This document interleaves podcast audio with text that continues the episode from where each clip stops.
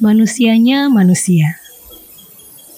Menurut Kamus Besar Bahasa Indonesia, manusia adalah insan, orang, atau makhluk yang berakal budi. Duh, baru mulai kayaknya udah berat banget nih bahasannya. Enggak kok, kali ini ketemu dengan saya, Imarani, yang akan sedikit sharing ringan, santai, tapi berisi. Saya akan mengupas hal-hal sederhana yang terjadi dalam kehidupan sehari-hari, yang sedang dialami, yang happening mungkin, atau bahkan pernah dialami, terus membekas banget. Jadi susah deh untuk move on. Nah, kalau nggak bisa move on, berat nih kayaknya. Manusia adalah makhluk sempurna yang diciptakan oleh Tuhan dibanding makhluk ciptaan yang lain. Sejatinya, kodrat manusia adalah makhluk monodualis, yaitu manusia sebagai makhluk individu dan juga makhluk sosial. Manusia sebagai makhluk individu yang diberikan akal, pikiran, perasaan, juga rasa dan emosi. Manusia adalah makhluk yang selalu melakukan interaksi dengan manusia lainnya. Seorang manusia tidak dapat mencapai apa yang ia inginkan tanpa bantuan dari manusia lain. Dalam menjalankan kehidupan sehari-hari, manusia tidak dapat menjalankan hidupnya sendiri. Bahkan dalam memenuhi kebutuhannya, manusia memerlukan manusia lain untuk membantunya. Hal ini berlaku untuk semua manusia, loh. Tidak mengenal sebuah kedudukan, jabatan, profesi, status sosial, bahkan kekayaan.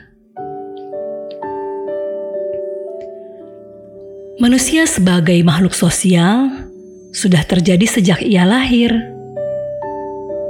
Seorang manusia yang akan lahir ke dunia pun membutuhkan manusia lain untuk memberikan pertolongan.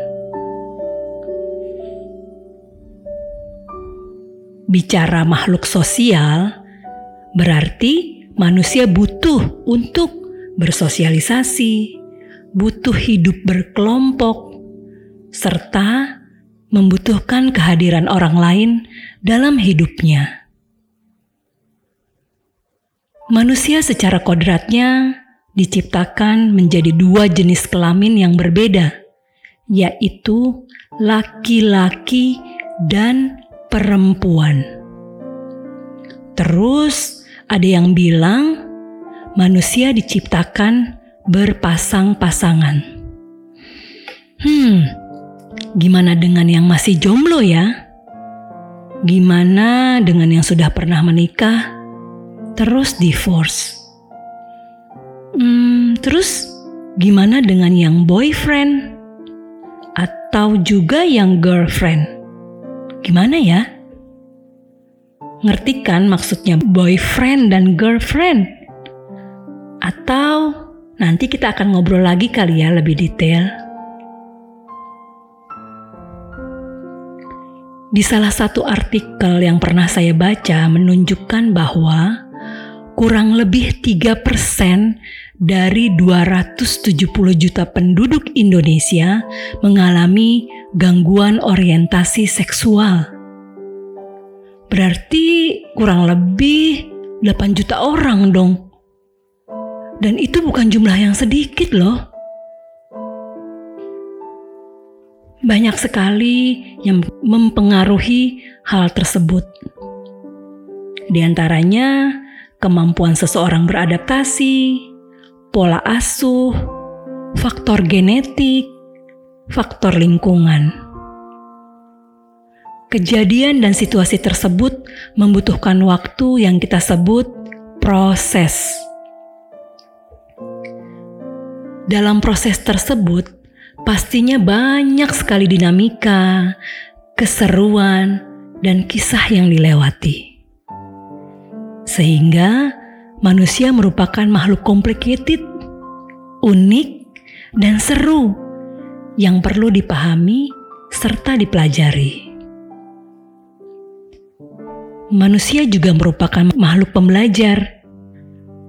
Bicara belajar berarti manusia juga memiliki kelebihan, kekurangan, potensi, kepribadian, dan perilaku yang berbeda antara yang satu dengan yang lainnya. Ada yang memiliki IQ rata-rata, di atas rata-rata, di bawah rata-rata, memiliki kemampuan logika dan analisa yang berbeda, sehingga persepsinya pun menjadi beragam. Bicara beragam, manusia pun memiliki perasaan serta emosi yang sangat berbeda-beda dalam menghadapi sebuah situasi. Ada yang logis, sensitif, tegas, heboh, terburu-buru, dan mungkin ada juga yang baperan loh. Jadilah yang muncul dalam situasi tersebut sangat berbeda-beda. Belum lagi cara berekspresi dalam sebuah situasi dan kondisi.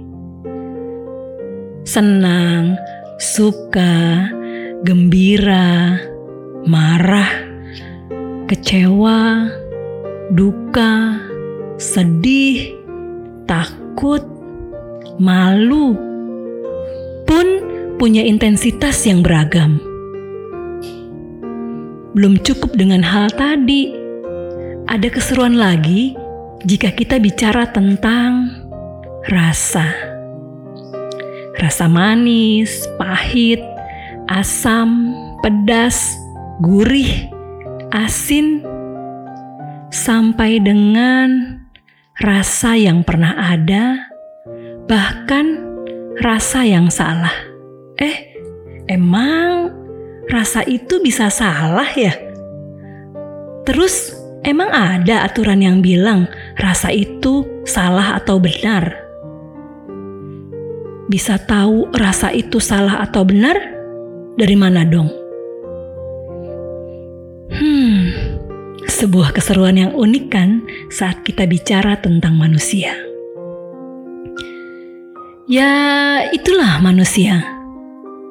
Banyak sekali definisi-definisi yang mewakilinya, banyak sekali ciri-cirinya, indikator, dan hal-hal lainnya yang mempengaruhi sehingga sosok manusia bisa tampil optimal dengan eksistensinya. Kalau bicara manusia, sebenarnya tidak cukup dengan sebuah sesi yang singkat, karena pasti banyak sekali keseruan-keseruan lainnya, sehingga tidak mudah memang mengelola diri agar bisa tampil menjadi sosok manusia yang sesuai dengan harapan diri orang lain manusia pun akan memiliki peran yang berbeda-beda.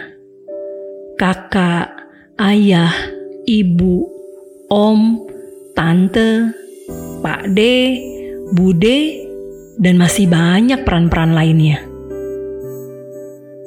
Belum lagi kalau kita bicara profesi. Dokter, pilot, insinyur, guru, blogger, konten kreator, gamers, dan lainnya. Sehingga manusia akan menempatkan perannya sesuai dengan kebutuhan dan keinginannya sendiri berdasarkan misalnya norma, tuntutan diri, tuntutan orang lain, kebutuhan hidup, serta tuntutan sosial. Nah, di sini akan muncul yang saya sebut orang tuanya manusia, gurunya manusia, sekolahnya manusia, kampusnya manusia, dan inilah kami, podcastnya manusia.